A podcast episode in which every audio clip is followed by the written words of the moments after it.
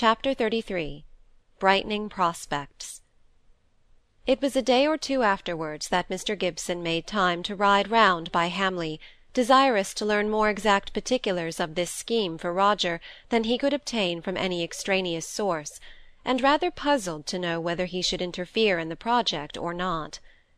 The state of the case was this. Osborne's symptoms were, in Mr. Gibson's opinion, signs of his having a fatal disease.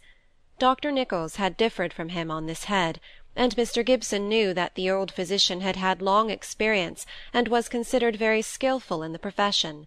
Still he believed that he himself was right, and if so the complaint was one which might continue for years in the same state as at present, or might end the young man's life in an hour, a minute.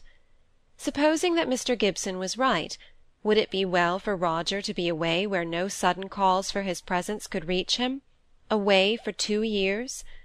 Yet, if the affair was concluded, the interference of a medical man might accelerate the very evil to be feared; and after all Dr. Nicholls might be right, and the symptoms might proceed from some other cause. Might? Yes. Probably did? No. Mr. Gibson could not bring himself to say yes to this latter form of sentence. So he rode on, meditating, his reins slack, his head bent a little. It was one of those still and lovely autumn days when the red and yellow leaves are hanging pegs to dewy, brilliant gossamer webs; when the hedges are full of trailing brambles, loaded with ripe blackberries; when the air is full of the farewell whistles and pipes of birds, clear and short not the long full-throated warbles of spring, when the whir of the partridges' wings is heard in the stubble-fields, as the sharp hoof-blows fall on the paved lanes, when here and there a leaf floats and flutters down to the ground, although there is not a single breath of wind. The country surgeon felt the beauty of the seasons perhaps more than most men. He saw more of it day by day, by night, in storm and sunshine, or in the still soft cloudy weather he never spoke about what he felt on the subject; indeed, he did not put his feelings into words, even to himself. But if his mood ever approached to the sentimental, it was on such days as this. He rode into the stable yard, gave his horse to a man, and went into the house by a side entrance. In the passage he met the squire. "That's capital, Gibson. What good wind blew you here? You'll have some lunch? It's on the table. I only just this minute left the room and he kept shaking Mr. Gibson's hand all the time till he had placed him, nothing loath, at the well-covered dining-table. "What's this I hear about Roger?" said Mr. Gibson, plunging at once into the subject. "Aha! so you've heard, have you? It's famous, isn't it? He's a boy to be proud of, is old Roger. Steady Roger. We used to think him slow, but it seems to me that slow and sure wins the race. But tell me, what have you heard? How much is known? Nay, you must have a glassful. It's old ale, such as we don't brew nowadays. It's as old as Osborne. We brewed it that autumn, and we called it the young squire's ale. I thought to have tapped it on his marriage, but I don't know when that will come to pass, so we've tapped it now in Roger's honour." The old squire had evidently been enjoying the young squire's ale to the verge of prudence. It was indeed, as he said, as strong as brandy, and Mr. Gibson had to sip it very carefully as he ate his cold roast beef. "Well, and what have you heard? There's a deal to hear, and all good news, though I shall miss the lad, I know that." "I did not know it was settled. I only heard that it was in progress." "Well, it was only in progress, as you call it, till last Tuesday. He never let me know anything about it, though. He says he thought I might be fidgety with thinking of the pros and cons, so I never knew a word on it until I had a letter from my Lord Hollingford. Where is it?" pulling out a great black leathern receptacle for all manner of papers, and putting on his spectacles he read aloud their headings. "Measurement of timber, new railings, drench for cows from Father Hayes, Dobson's accounts hm, hm. Here it is. Now read that letter," handing it to Mr. Gibson. It was a manly, feeling, sensible letter, explaining to the old father in very simple language the services which were demanded by the terms of the will to which he and two or three others were trustees, the liberal allowance for expenses, the still more liberal reward for performance, which had tempted several men of considerable renown to offer themselves as candidates for the appointment Lord Hollingford then went on to say that having seen a good deal of Roger lately, since the publication of his article in reply to the French osteologist, he had had reason to think that in him the trustees would find united the various qualities required in a greater measure than in any of the applicants who had at that time presented themselves. Roger had deep interest in the subject, much acquired knowledge, and at the same time great natural powers of comparison, and classification of facts. He had shown himself to be an observer of a fine and accurate kind; he was of the right age, in the very prime of health and strength, and unshackled by any family ties. Here Mr. Gibson paused for consideration. He hardly cared to ascertain by what steps the result had been arrived at; he already knew what the result was; but when his mind was again arrested as his eye caught on the remuneration offered, which was indeed most liberal and then he read with attention the high praise bestowed on the son in this letter to the father. The squire had been watching Mr. Gibson, waiting till he came to this part, and rubbed his hands together as he said, "Ay, you've come to it at last. It's the best part of the whole, isn't it? God bless the boy! And from a Whig, mind you, which makes it the more handsome. And there's more to come still. I say, Gibson, I think my luck is turning at last." Passing him on yet another letter to read. That only came this morning, but I've acted on it already. I sent for the foreman of the drainage works at once, I did, and to-morrow, please God, they'll be at work again." Mr. Gibson read the second letter from Roger. To a certain degree it was a modest repetition of what Lord Hollingford had said, with an explanation of how he had come to take so decided a step in life without consulting his father. He did not wish him to be in suspense for one reason. Another was that he felt, as no one else could feel for him, that by accepting this offer he entered upon the kind of life for which he knew himself to be most fitted. And then he merged the whole into business. He said that he knew well the suffering his father had gone through when he had had to give up his drainage works for want of money; that he, Roger, had been enabled at once to raise money upon the remuneration he was to receive on the accomplishment of his two years' work and that he also had insured his life, in order to provide for the repayment of the money he had raised, in case he did not live to return to England. He said that the sum he had borrowed on this security would at once be forwarded to his father. Mr. Gibson laid down the letter without speaking a word for some time; then he said, "He'll have to pay a pretty sum for insuring his life beyond seas." "He's got his fellowship money," said the squire, a little depressed at Mr. Gibson's remark. Yes, that's true, and he's a strong young fellow, as I know. I wish I could tell his mother, said the squire in an undertone. It seems all settled now, said Mr. Gibson, more in reply to his own thoughts than to the squire's remark. Yes, said the squire, and they're not going to let the grass grow under his feet. He's to be off as soon as he can get his scientific traps ready. I almost wish he wasn't to go. You don't seem quite to like it, doctor. Yes, I do, said Mr. Gibson, in a more cheerful tone than before. It can't be helped now without doing a mischief, thought he to himself. Why, squire, I think it a great honour to have such a son. I envy you, that's what I do. Here's a lad of three or four and twenty distinguishing himself in more ways than one, and as simple and affectionate at home as any fellow need to be, not a bit set up. Ay, ay, he's twice as much a son to me as Osborne, who has been all his life set up on nothing at all as one may say. Come, squire, I mustn't hear anything against Osborne.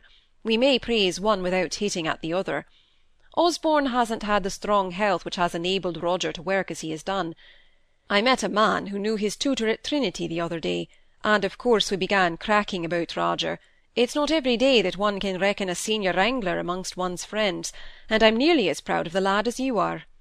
This Mr. Mason told me the tutor said that only half of Roger's success was owing to his mental powers; the other half was owing to his perfect health, which enabled him to work harder and more continuously than most men without suffering.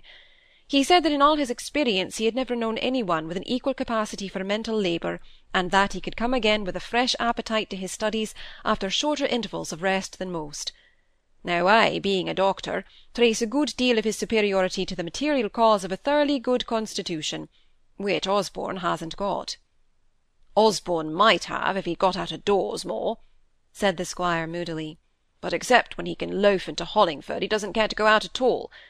I hope, he continued with a glance of sudden suspicion at Mr. Gibson, he's not after one of your girls.